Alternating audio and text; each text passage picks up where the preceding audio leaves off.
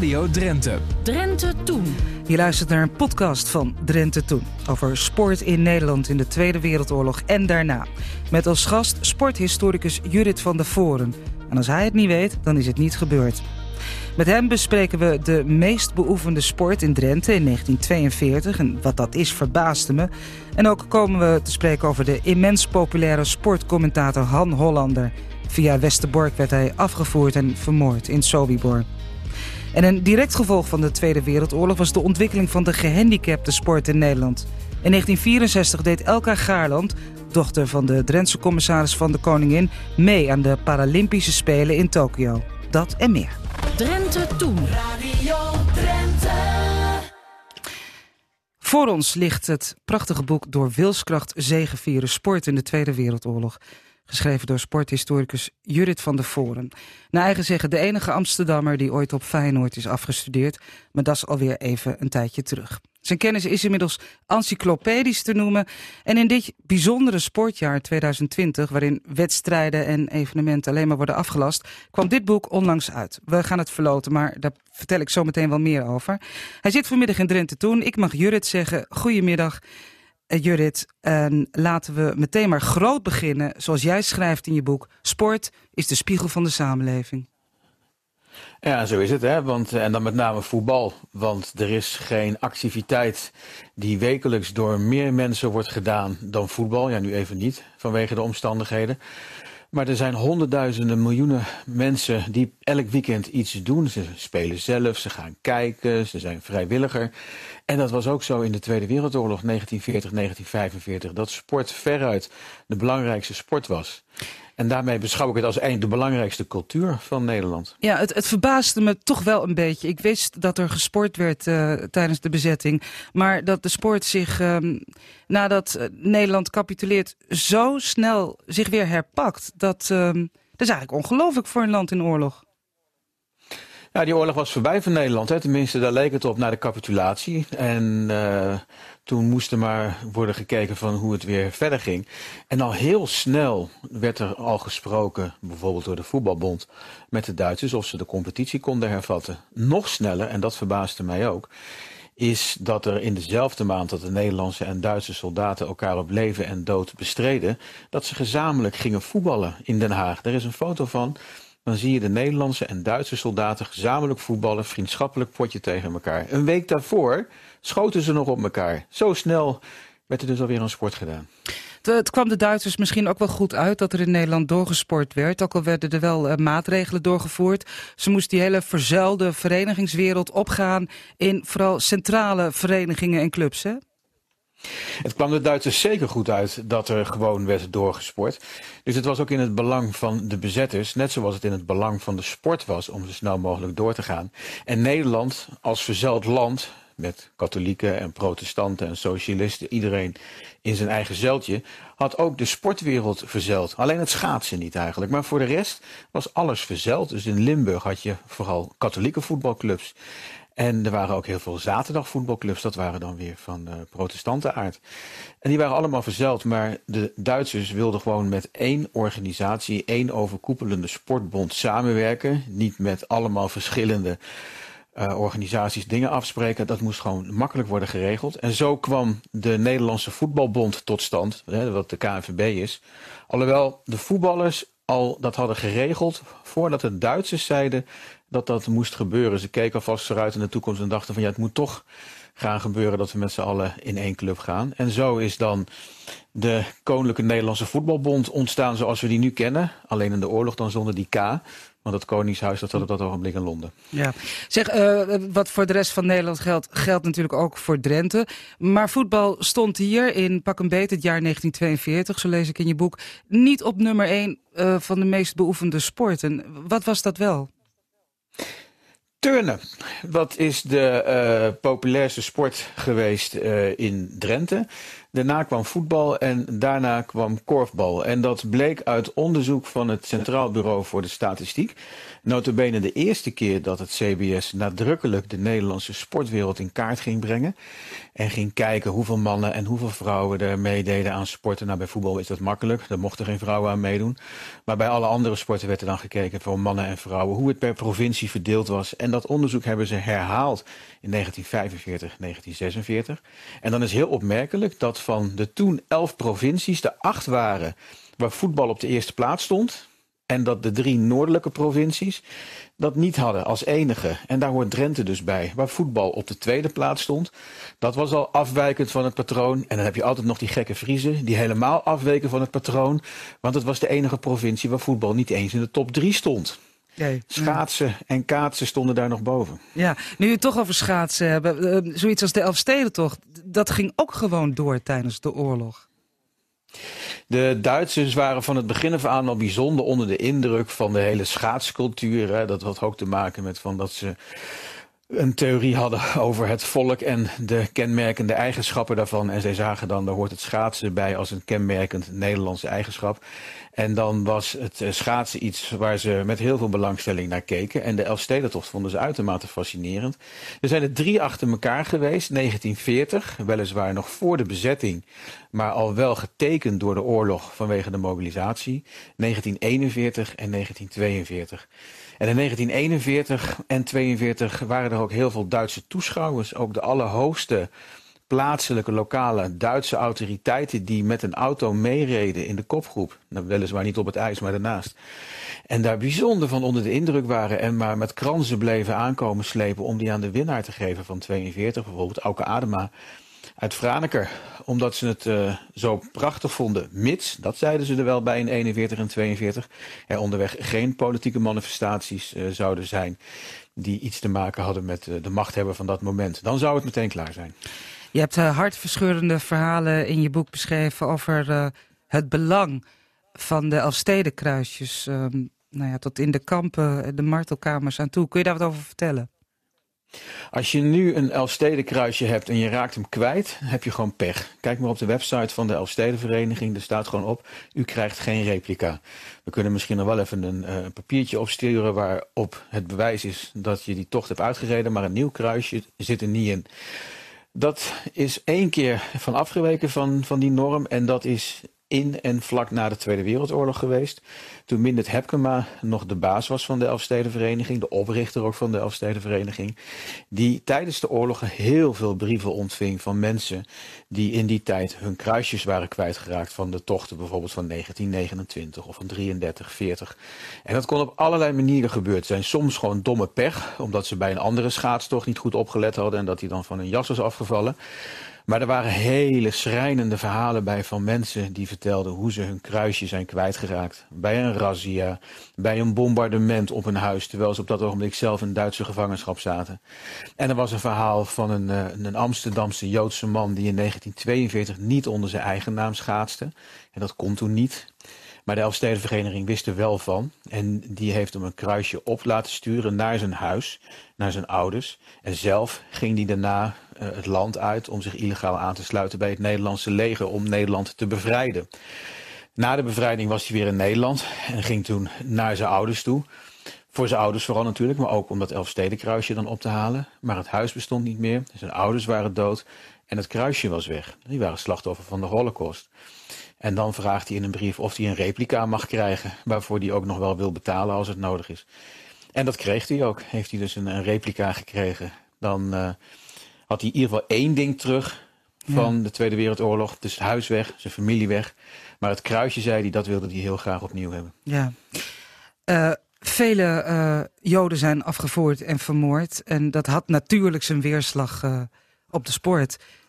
Hele, hele teams, hele verenigingen zijn uh, op die manier ja, van de aardbodem verdwenen. Kun je, kun je daar ook wat, wat Drents over zeggen? Of, of, of is dat meer een Nederlands verhaal? Het is, een, uh, het is een Nederlands verhaal en daardoor dus hoort het ook in, in Drenthe. In, in Amsterdam zie je bijvoorbeeld dat van de ongeveer 500, 600 leden van Amsterdamse voetbalclubs die in de oorlog zijn omgekomen, dat daar ongeveer uh, 300 ongeveer Joods zijn geweest. Dus echt heel veel, omdat er in Amsterdam ook heel veel Joodse mensen woonden. Dat waren met name bij voetbalclubs als Willemina vooruit of Hortus Eendracht doet winnen. Rotterdam hetzelfde, daar zat ook een hele grote Joodse gemeenschap. Maar ook bijvoorbeeld in het noorden van het land, hè, bij WVV in Winschoten zat een grote Joodse gemeenschap in het oosten, bij uh, UD in Deventer. In Go Ahead zaten ook veel Joodse mensen. En in Assen, bij de twee clubs uit Assen. Daar hebben ook heel veel Joodse leden het leven verloren tijdens de Tweede Wereldoorlog. En die zijn afgevoerd. Ik heb de 2212 namen die op het KNVB-monument staan in Zeist. Alle oorlogsslachtoffers die ze hadden geregistreerd van het Nederlandse voetbal. Heb ik gekoppeld aan hun een woonplaats, hun laatste woonplaats, aan de club waarvan ze lid waren. En die heb ik vorige week online laten zetten. En zo kreeg ik vanuit Assen een reactie van er staan er nog heel veel niet bij op dat monument. En dat komt omdat ze dat in 1949 waarschijnlijk gewoon nog niet wisten. Pas ook na 1949 kwamen er nog uh, gevallen binnen van mensen die vermoord waren. Ja, die hebben ze dan niet met een, met een geeltje of met een stift er nog even bijgeplakt of geschreven op dat monument. Die staan er gewoon niet op. En daarom ben ik begonnen om al die namen te verzamelen, om ze digitaal wel beschikbaar te maken. En dan blijkt er inderdaad vanuit Assen gewoon een hele grote Joodse gemeenschap uit de voetbalwereld te zijn omgekomen. In, in die oorlogsjaren, waarbij eh, in het begin ook de club zelf er eigenlijk nog niet eens zo heel veel belangstelling voor had. Want ze zeiden van ja, maar ze waren geen lid meer in 1941, dus hebben we ze niet meegeteld. Ze waren geen lid meer, omdat dat niet mocht van de Duitsers, omdat ze waren uitgesloten. En dat hebben ze in 1964 in Assen dan ook ingezien. Ja, dat klopt niet, die stellingname.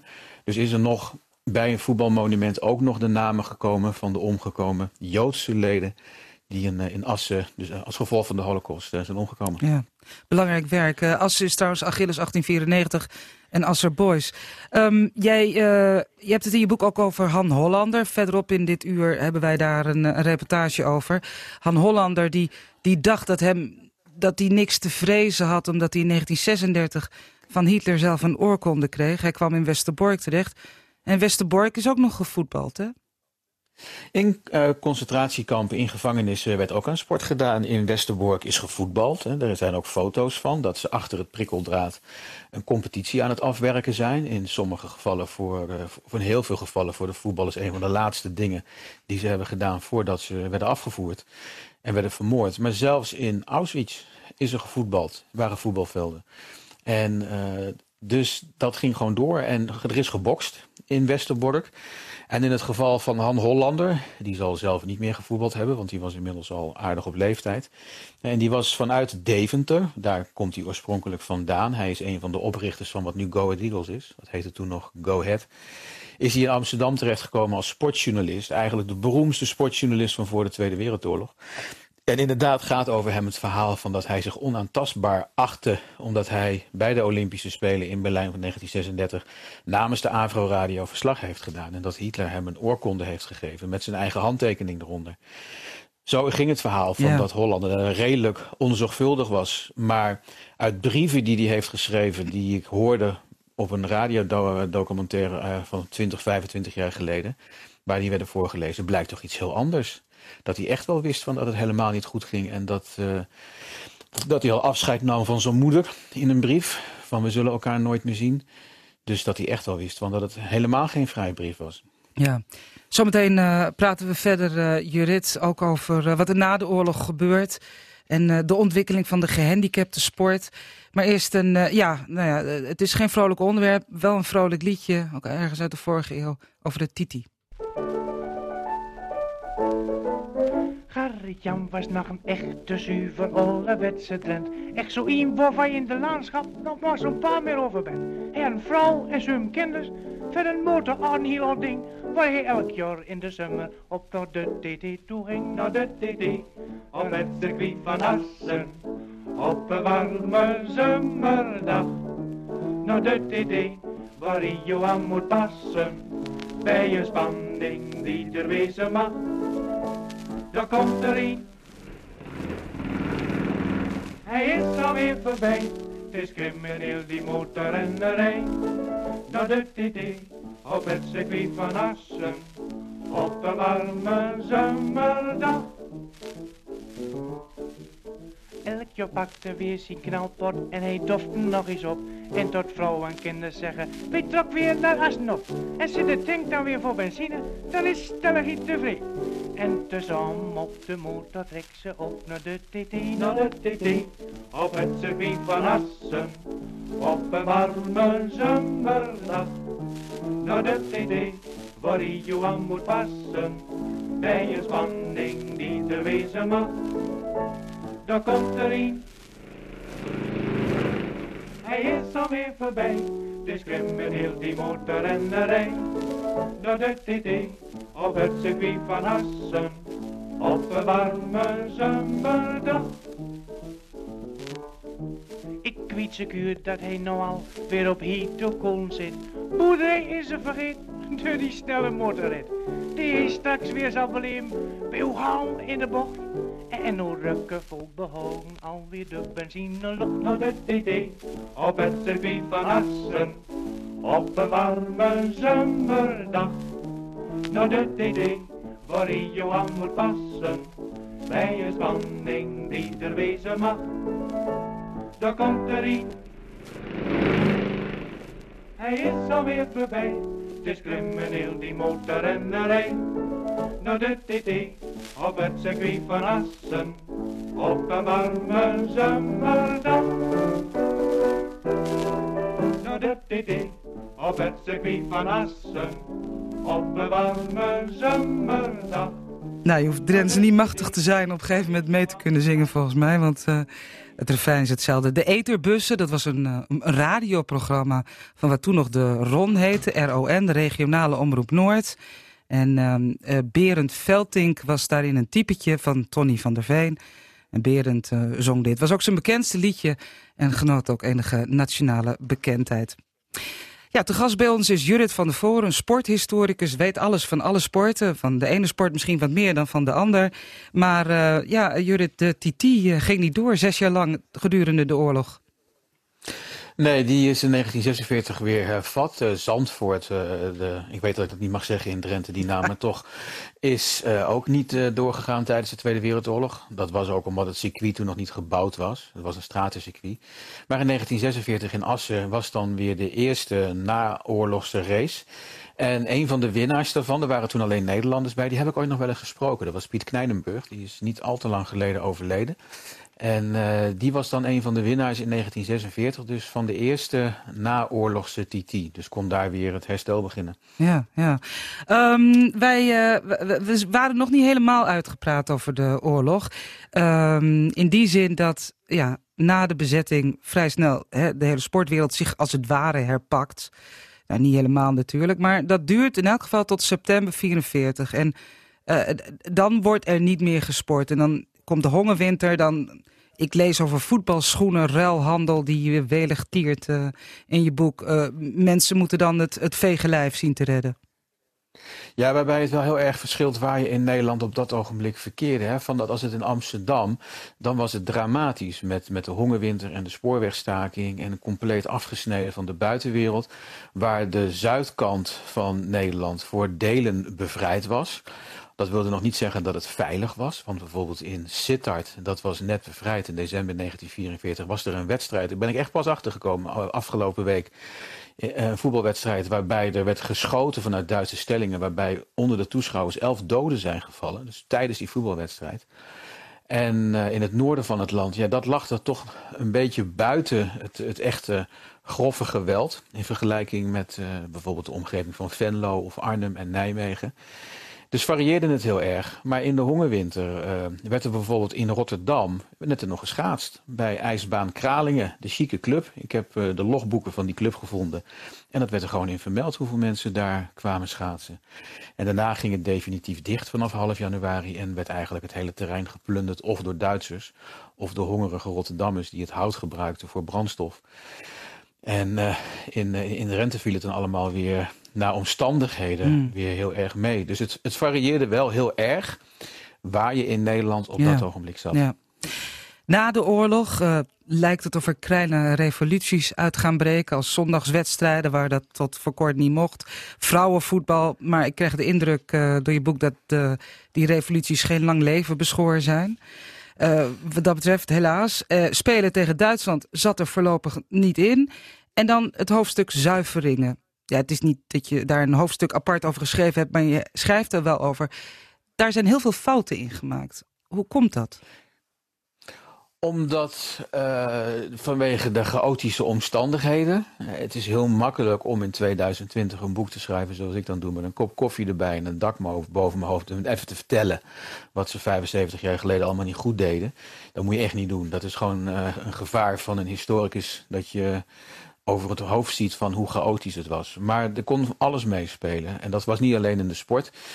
Het waren echt concrete gevallen van landverraad. En dan heb je het over iemand als uh, Tinus Oozendarp. Een uh, sprinter die brons had gewonnen twee keer op de Olympische Spelen van 36.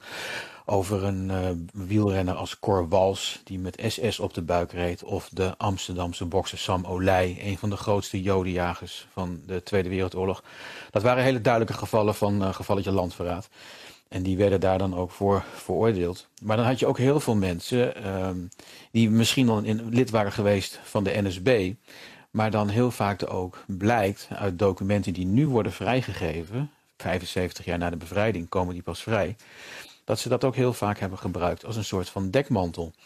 Om bijvoorbeeld mensen te helpen. En dan hebben ze, dat erkennen ze dan ook na de hand, een stomme keus gemaakt om bij, bij de NSB te gaan.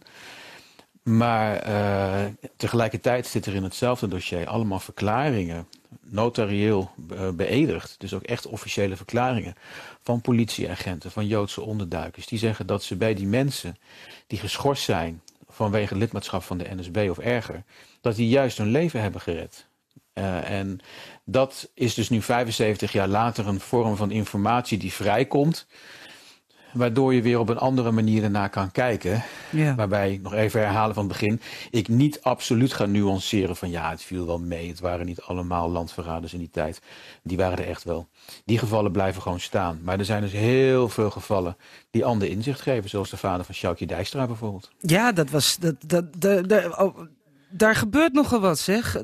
Eerst wordt hij beticht van, uh, nou ja, uh, zeg jij het maar. Lou Dijkstra uit Akrum in Friesland is daarna naar Amstelveen verhuisd. Uh, is zelf uh, schaatser geweest op de Olympische Spelen van 1936, winterspelen. En hij is de vader van een van de beroemdste sporters die Nederland ooit heeft voortgebracht, Sjoukje. Dijkstra. En uh, hij is na de oorlog voor vijf jaar geschorst door de schaatsbond vanwege lidmaatschap van de NSB. En er zou inderdaad een stamboeknummer van hem zijn, maar pas nu is de complete verdediging van die Lau Dijkstra vrijgekomen. Ik ben ook bij Sjoukje thuis geweest om het allemaal aan haar te geven, zodat zij weet wat er over haar vader mm -hmm. allemaal werd gezegd. Want die is al in 1964 overleden toen ze 21 was. Dat weet ze allemaal niet, dus ik heb haar die documenten gegeven. En uh, dan zie je van dat dus Amsterdamse politieagenten zeggen dat door zijn uh, ingrijpen als politiearts, waar hij toen werkte, dat ze niet zijn afgevoerd. Dat ze niet zijn vermoord door de Duitsers. En dat dus echt heeft geholpen. En wat nog opvallender is, is dat de vrouw met wie hij trouwde na een misgelopen huwelijk met zijn eerste vrouw, die er met een nazi vandoor ging na de inval en daarmee trouwde, dat hij met een Joodse vrouw is getrouwd. Ja. Dus de moeder van Sjoukje Dijkstra. En dat ze dat hebben weggestopt, die informatie over haar Joodse achtergrond. Ja, want je weet wat de gevolgen konden zijn. Ja. Dus zowel uh, de vrouw van Lou Dijkstra als zijn dochter, Sjoukje, hadden dus volgens de uh, heersende Jodenwetten afgevoerd kunnen worden. Er staan en dat meer, was echt nog niet bekend. Nee, er staan meer van dat soort verhalen in. Ik moet uh, Judith omwille van de tijd ineens nu naar 1964. En dan weet jij misschien wel waar ik het over ga hebben. Want uh, de gehandicapte sport, leer ik in jouw boek, is eigenlijk een direct uitvloeisel van, van de oorlogsjaren. nou met een beetje passen en meten kun je dat toch wel zeggen, hè? Ja, dat is uh, vrij duidelijk, want Nederland heeft kennis gemaakt met de rolstoel als een uh, maatschappelijk verschijnsel. Dus dat veel mensen in een rolstoel zaten vanwege de Tweede Wereldoorlog. De rest van Europa had dat al mogen doen na de Eerste Wereldoorlog, vanwege alle oorlogsgewonden, maar Nederland was neutraal gebleven. En zodoende dat hier het een onbekend verschijnsel was. En ja. na de Tweede Wereldoorlog kwamen er dus heel veel mensen in een rolstoel met amputaties. En was sport heel belangrijk om die mensen te helpen om letterlijk in beweging te blijven, te houden en om ze te helpen bij hun herstel. Ja, Elka Gaarland die is uh, gewond geraakt in 1944 um, door een, uh, een granaatscherf. Uh, en zij doet in 1964 mee aan de, de Paralympische Spelen in Tokio. Judith, en daar hebben wij een mooie audioarchief van. Zullen we daar naar luisteren? Ja, graag. Volk, je hebt natuurlijk allemaal gehoord dat Elke Gaarland... de dochter van onze commissaris van de koningin van de WQ Tokio... terugkomt is van de Olympische Spelen voor gehandicapten... met goud en zilver en brons. En waar was dat nou precies voor Elka? Goud was voor het zwemmen, 50 meter schoolslag. Zilver voor de slalom en brons voor de 60 meter hardrijden. Slalom, uh, dan denk ik aan skiën, maar dit is natuurlijk heel iets anders, hè? Uh, wat is dat nou precies dan, slalom? Nou, het is eigenlijk precies hetzelfde als met skiën, maar... Um, behalve dat er nu geen bergen zijn en wij niet op skis uh, rijden... rijden we in onze wagentjes tussen allerlei paaltjes door achteruit, vooruit... hard rijden een stukje, een stukje over drempeltjes, een stukje over heuveltjes... en dan weer een stukje gewoon alleen maar hard rijden. Had je wel op dit succes helemaal rekend? Oh nee, helemaal niet. Um, ik was natuurlijk het meest gespannen voor zwemmen... omdat ik daar op het zwemnummer het meeste getraind had... de schoolslag en de rugslag. Samen met badmeester Schut hier in Emmen... heeft hij mij drie maanden getraind. En de schoolslag is dus wel goed gelukt... maar de rugslag helemaal niet, helaas. Daar was ik lang niet sterk genoeg voor. Nou, dat geeft niet zoveel, want de andere was immers goed. Uh, dit was niet de eerste keer dat je deed aan de Olympische Spelen, hè? Nee, ik ben ook in Rome geweest in 1960 op die manier kreeg je heel wat van de wereld te zien. En dan reis je er heel wat aan af, hè. Um, hoe was het nou in, in uh, Tokio? Kun je er ons nog wel iets speciaals van vertellen? Nou, met de, de, Spelen in Tokio waren dus geweldig. Het was ontzettend goed georganiseerd door uh, de Japanners. We logeerden in het Olympische dorp. Wat voor ons erg makkelijk was, omdat een groot gedeelte van de huizen in het Olympisch dorp bungalows zijn. En het hele dorp werkte nog. De restaurants waren nog in werking. De bank, het postkantoor en alle winkels. Ze hadden alles voor ons aangepast met opritjes. Zodat we makkelijk overal naar binnen konden. Dus het verblijf was ideaal. Tijdens de Spelen hebben we natuurlijk niks van Tokio gezien. Maar daarna, we waren nog drie dagen langer in Tokio dan de Spelen duurden. Zijn we, hebben we Tokio bij nacht gezien. Wat gigantisch is met eindeloos veel lichtjes. En heel erg mooi. Tokio bij dag. Dat is ook wel erg indrukwekkend. Maar het is zo'n grote stad. En zoveel kleine huisjes en ommuurde huisjes. Dat echt mooi kon ik het niet vinden. We hebben de Mount Fuji gezien. Dat is een, de hoogste berg van Japan. Die altijd eeuwige sneeuw heeft. En we zijn zo gelukkig geweest dat we die berg zagen zonder wolken. En dat vinden zelfs Japanners heel bijzonder. Die zeggen dan ben je heel gelukkig als je de Mount Fuji zonder uh, wolken hebt gezien. Dus helemaal met sneeuw. Ja. Uh, Leupen er nou ook nog veel vrouwen in kimono's? Ja, eigenlijk veel meer dan ik verwacht had. Um, ik kan niet erg goed een, een, percentage noemen. Maar wat bijvoorbeeld heel leuk was... Um, de zondag voordat we weggingen... was het kindertjesdag, meisjesdag. Voor meisjes van drie, vijf en zeven jaar oud. Die gingen naar een soort van schrijn toe... waar iemand begraven lag een soort communie is het, dat heb ik er tenminste van begrepen. En dan dragen die kinderen dus allemaal hun mooie kimono's. Het zijn prachtige zijen, geborduurde kimono's. Dus dat was een erg leuk gezicht, al die kleine kinderen. De hele stad liep vol met deze kindertjes. Hoeveel waren nou in totaal uit Nederland bij deze Olympische Spelen betrokken? Elf. We waren met elf mensen en zes leiders. Een chef de mission, een chef d'équipe, een coach, een verpleegster. Uh, zeg Elka, je vertelde net over het Olympisch dorp. Daar hadden jullie natuurlijk soms ook wel veel contact met elkaar, met de andere wichter. Ja, dat was heel erg leuk. Want ze hadden er een zogenaamde internationale club. En daar ging iedereen s'avonds, alle landen, waren dus mensen van 23 landen, gingen daar s'avonds naartoe. Er was een bandje en er werd muziek gemaakt. En er werd bovendien muziek gemaakt door gehandicapten zelf. Er waren twee Engelse Beatle-achtige jongens die schitterende liedjes konden zingen. Een Duitser die heel erg goed piano speelde. Argentijnen die mooie volksmuziek konden maken. Was ontzettend leuk. En had je alleen een kamer of sloep je met meer op één kamer? Nee, we waren met drie Nederlandse meisjes op één kamer. En waar kwamen die weg? Uit Amsterdam. Allebei uit Amsterdam. Dat was zeker wel gezellig. Ja, ontzettend gezellig. Vre vreselijk veel plezier gehad. Vooral de Amsterdamse meisjes zijn geweldig geestig. Dus we hebben erg veel plezier gehad. Ja. En het was natuurlijk ook niet direct samen slapen, hè? Nee, helemaal niet. Nee, dat duurde wel uren voordat ja? we eindelijk sliepen. Maar dat was alleen maar leuk. Ja, dan had je elkaar zoveel te vertellen. Ja, ja. Ja, mensen, dat was de Rono, 1964. Geesje Been die is niet al te zeer gehenderd over uh, um, veel sportieve kennis. Dus die wil weten of er vrouwen in kimono's rondliepen in Japan. En of er uh, gegiebeld werd s'nachts op de slaapzaal. 1964 was dit de Rono. Geesje Been interviewde Elka Gaarland bij thuiskomst. Maar Judith, uh, het, het, echte gesprek duurt, duurt wel een half uur. Dat zenden we niet uit. Het, het geeft wel aan hoe bijzonder de prestatie van Elka Gaarland was, hè? Zij is niet de eerste Nederlander geweest die een gouden medaille heeft gewonnen op de Paralympische Spelen. Want dat gebeurde al in 1960. Maar het is wel dat, dat Elka Gaarland als eerste nationale bekendheid kreeg als Paralympische sporter, als gehandicapte sporter. En zij werd zelfs genomineerd voor de beste sportvrouw van het jaar van 64. En dat was nog nooit eerder een gehandicapte sporter gebeurd. En zij werd uiteindelijk tweede. Want eerste, daar is ze weer, Sjoukje Dijkstra. Die heeft iets van zes of zeven jaar achter elkaar gewonnen. Dus dat Elka Gaarland meteen daarachter eindigt. Ze kreeg een staande ovatie van alle mensen in de zaal. En er zijn zelfs sportclubs opgericht nadat ze terugkwam uit Tokio. Die naar haar vernoemd zijn met gehandicapte sporters. Die zeiden, ja maar als zij het kan, dan willen wij het ook. Dus zij is echt heel belangrijk geweest voor de gehandicapte sport in Nederland. Zij zorgde voor, voor de eerste nationale kennismaking voor de meeste mensen met, uh, met gehandicapte sport. Ja. ja, haar vader was uh, overigens eh, burgemeester van Gasselte en daarna Emmen en daarna commissaris van de Koningin in Drenthe. En naar het schijnt heeft uh, Erika Terpstra is door Elka Gaarland geïnspireerd geraakt om zich sterk te maken voor de gehandicapte sport. Ja, ze heeft me dat zelf een keertje verteld toen ik daarover sprak van... Uh, weet je nog wie Elke Gaarland is? Van, uh, ja, zij zelfs in 1960 en 64 ook naar de Olympische Spelen geweest. En dat was dan wel voor de Paralympische Spelen van, van Elke Gaarland. Maar ze kende haar nog wel uit die tijd, hè? ook zwemmen, zelfde sport. Mm. En dat ze ook zei van, door Elke Gaarland uh, kwam ik erachter dat gehandicapte sporters net zo bedreven zijn en goed zijn in hun sport als, als wij, als valide sporters. En door haar en haar doorzettingsvermogen had ik eigenlijk helemaal niet in de gaten dat ze gehandicapte sporter was toen ik paar minuten met haar sprak. Zij was gewoon een topsporter. En vanaf dat moment, uh, zei ze, ben ik echt heel erg geïnteresseerd geraakt in, in de ontwikkeling van gehandicapte sport.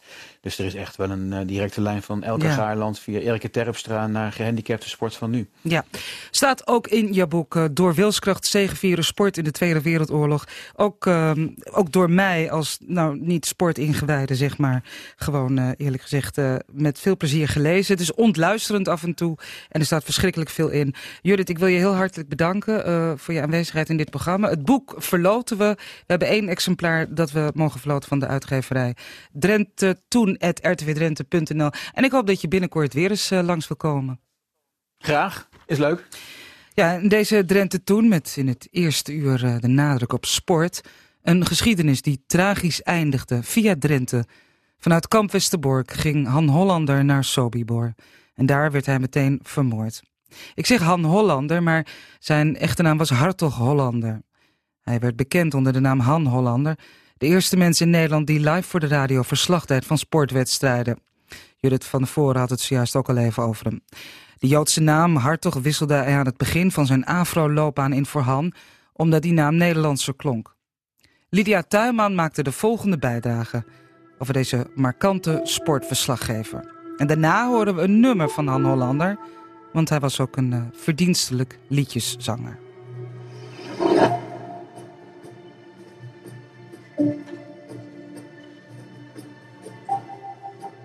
Han Hollander werd het meest bekend door de verslagen van voetbalwedstrijden die hij van 1928 tot 1940 bracht voor de Avro. Als jonge man was hij in 1902 een van de oprichters van de Deventer Club Go Ahead, waar hij de naam van bedacht. In 1921 werd hij adjunctchef van de sportredactie van de Telegraaf. In zijn diensttijd was een van zijn slapies Willem Vocht, de latere directeur van de AVRO. Toen die iemand zocht voor het eerste sportverslag op de Nederlandse radio, herinnerde hij zich Hollander, die vroeger al smakelijk over sport kon vertellen. Dat eerste verslag werd gegeven op 11 maart 1928, de wedstrijd Nederland-België in het Nederlandse sportpark te Amsterdam. Daarna stond Hollander twaalf jaar lang aan de top. Zijn sportverslagen waren razend populair. Dames en heren, wij vestigen uw aandacht op dat wij vanmiddag om drie uur zullen uitzenden een ooggetuigenverslag door Han Hollander van de interland voetbalwedstrijd Ierse Vrijstaat Nederland die in Dublin gespeeld zal worden. Meteen geeft Bakhuis de bal aan Smit. Die passeert meteen naar onze recht buiten naar Wals. Die snapt prachtig langs de lengte. En wat is dat? Een schitterende voorzet. Wordt even doorgegeven door Bakhuis. Van Ellis wenkt naar binnen. Heeft de bal een. Goal!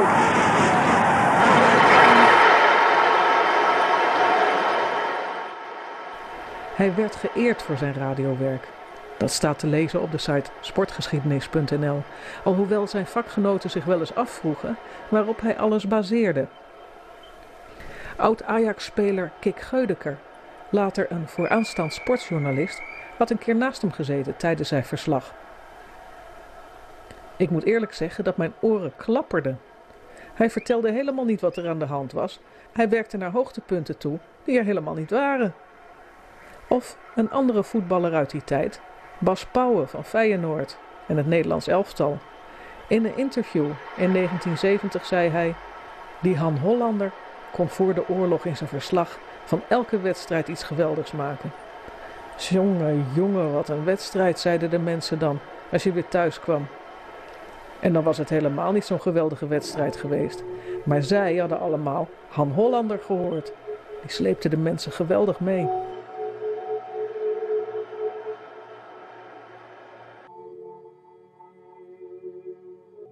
Een paar dagen na de capitulatie voor de Duitsers ontslaat AVRO-directeur Vocht een aantal Joodse AVRO-medewerkers, onder wie Hollander. Als reden geeft Vocht op dat er wegens gebrek aan sportgebeurtenissen voor hen geen werk meer zou zijn. Twee jaar daarvoor werd Hollander nog gehuldigd, omdat hij 50 interlands had verslagen. Toenmalige AVRO-voorzitter G. Klerk kwam met een opmerkelijk verhaal voor het feestvarken. Uw reportages doen de criminaliteit in Nederland sterk dalen. Een agent van politie in Deventer die vertelde mij dat wanneer meneer Hollander spreekt voor de microfoon en wij hebben straatdienst, dan konden we net zo goed op het bureau blijven, want dan is er nooit iets te doen op straat. Men heeft geen tijd om in te breken, men heeft geen tijd voor moorden, men heeft geen tijd voor ruzie, iedereen houdt zich even koest. Alhoewel Hollander herinnerd wordt als de eerste voetbalverslaggever, becommentarieerde hij ook allerlei andere sporten, zoals zwemmen en atletiek. En zo versloeg hij ook de Olympische Spelen van 1936 in Berlijn. En thans, dames en heren, staan we dan weer aan een van de hoogtepunten van de Olympische Spelen. De finale van het klassieke een sprintnummer, het tweede sprintnummer zoals we dat dan wel kunnen noemen, de 200 meter. Een hoogtepunt ook voor ons, Holland speciaal, omdat er twee Nederlanders in starten, namelijk Ozendarp, die de eerste baan heeft, en Van Beveren, die de tweede baan heeft. Naast Owens, Robinson, Henny en Orr. Alles staat gereed. Op de plaatsen, klaar, af. Wat is meteen goed. Vooruit jongens, vooruit jongens, hou je goed. Daar gaat Ozendarp, gaat Van Beveren voorbij. Vooruit op de 100 meter zijn de beide zwarte voor. Jesse Owens is voor. Maar Roosendarp houdt de andere, houdt Robinson goed bij. Roosendarp op de derde plaats. Owens 1. Robinson 2, Oosendarp 3. Oosendarp op de derde plaats. En wederom heeft Nederland in een van de klassieke sprintnummers ervoor gezorgd dat straks de Nederlandse vlag aan de derde Olympische mast zal komen te hangen. De Volkskrant is vooraf al kritisch hekelt het propagandistische sportfeest. Dat is bedoeld om de buitenlanders een zo gunstig mogelijke indruk mee te geven van het nationaal-socialistische Duitsland. En daarbij is het voor ons Hollanders toch zo buitengewoon prettig, dames en heren, wanneer we zo met lof horen gewagen van de, deelnemen van de Hollandse atleten waaruit men kan zien dat de atletiek in het buitenland over het algemeen toch nog wat, wat hoger staat aangeschreven dan hier. Maar juist omdat onze landgenoten zulke fraaie prestaties in de meest klassieke nummers, de sprints, behalen... en omdat er zoveel over gesproken wordt, zal het figuur dat Nederland op deze Olympische Spelen in de sprint slaat... stellig niet nalaten van een grote propagandistische waarde voor onze eigen atletiek in ons eigen land te zijn. De enthousiaste radiocommentator Han Hollander en anderen waren volgens de krant verblind door de glans van de medailles en de slotceremonie. De Olympische roes zal weldra plaatsmaken voor de grauwe werkelijkheid, vermoedt de krant. En dan zullen er in Duitsland geen Joden meer voor de microfoon komen. Na de Olympische Spelen in Berlijn schreef Hitler een loftuiting als dank voor het beeldende sportverslag van Hollander. Die oorkonde voorkwam echter niet dat hij in 1942 naar Westerbork werd gedeporteerd. Paul Onkenhout schrijft in de Volkskrant: Het is 24 februari 1943 als de Joodse gevangene Han Hollander vanuit kamp Westerbork goed nieuws meldt. De kampcommandant kwam het hem persoonlijk vertellen. Hij en zijn vrouw Leen krijgen een erebehandeling.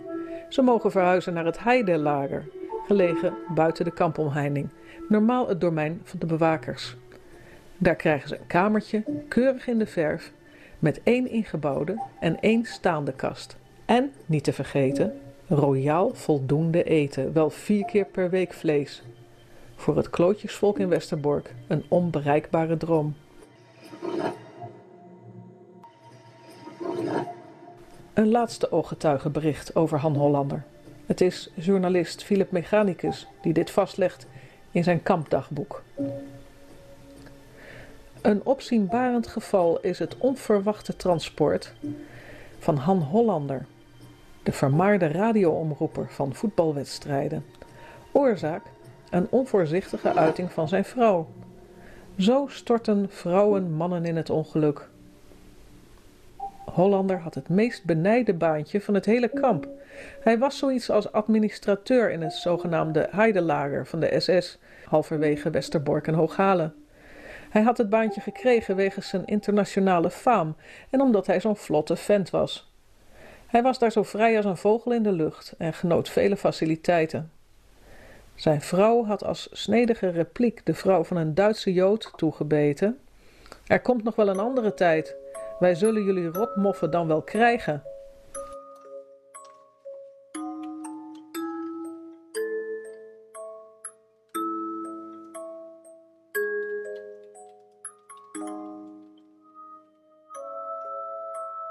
Zo denken hier vele andere Hollanders, maar ze zeggen het niet. Althans, niet waar Duitse Joden bij zijn. Verraad door een alte kampinzas. Rapport aan de Obersturmführer, die vond dat de huisvrouw van Hollander iets te ver was gegaan. Hij liet ze beiden in barak 51, de gevangenis, een vierkant huisje, opsluiten en hen op transport zetten. Aldus eindigt, als het te pas komt, de meest briljante carrière van een Jood hier. Het geval maand de Joden tot onderlinge nederigheid. Hollander liep jammer genoeg wel wat met de borst vooruit. Aldus mechanicus. Op 6 juli 1943 werd Hollander vanuit Westerbork weggevoerd naar het vernietigingskamp Sobibor in Polen, waar hij op 9 juli aankwam en dezelfde dag werd vermoord. Ik voel het zelf zo dat ik twee dingen gedaan heb voor die radiomicrofoon. Dat is in de eerste plaats mijn plicht, dat wil zeggen mijn radioplicht en mijn sportieve plicht. En aan de andere kant, ja, omdat ik het zelf zo buitengewoon prettig vond. De luisteraars kunnen het prettig hebben gevonden. Laat ik u zeggen dat ik eerst dan in mijn element ben... wanneer ik voor een radiomicrofoon sta... en wanneer er iets levendigs voor me te gebeuren staat.